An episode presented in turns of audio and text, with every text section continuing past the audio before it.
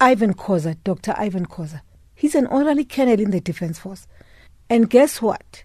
Besides the many things he has done, right, the many contributions he has made to the Defense Force, only the other day he donated a million rands towards the Education Trust. So, Brian Molefe is one of those brains we tap on, whose brains we pick on when there is something we need done in the Defense Force.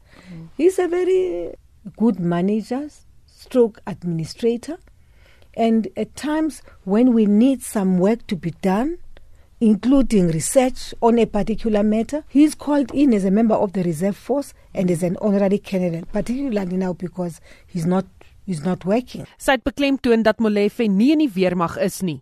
Brian Molefe is not in the army. Brian Molefe is a member of the reserve force of the army. Now there are many people who are members of the reserve force.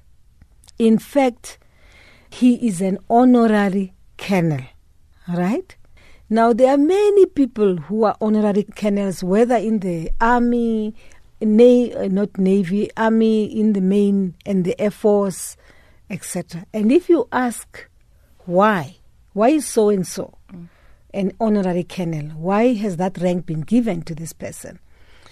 This is an honor which is given to people who play a significant role in contributing to some of the programs which we have in the South African National Defence Force. Mapisa-Nqakula sê Molefe se aanstelling is egter nie ongewoon nie. I don't know who gave out this information because it's not Brian Molefe is not the only person who is an honorary colonel. There are many, many, many honorary colonels He's not the only one. For instance, he was on call up to assist the defense force.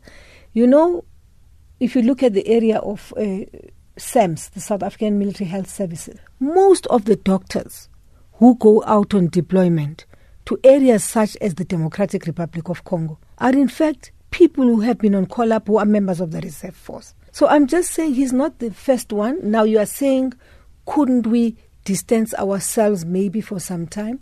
As far as I'm concerned, there are no charges which have been placed before Brian Molefe. I've not heard that there's a trial which is on. I've not heard that he's been found guilty. So the principle of innocence until proven guilty, we should be consistent in dealing with those sorts of issues.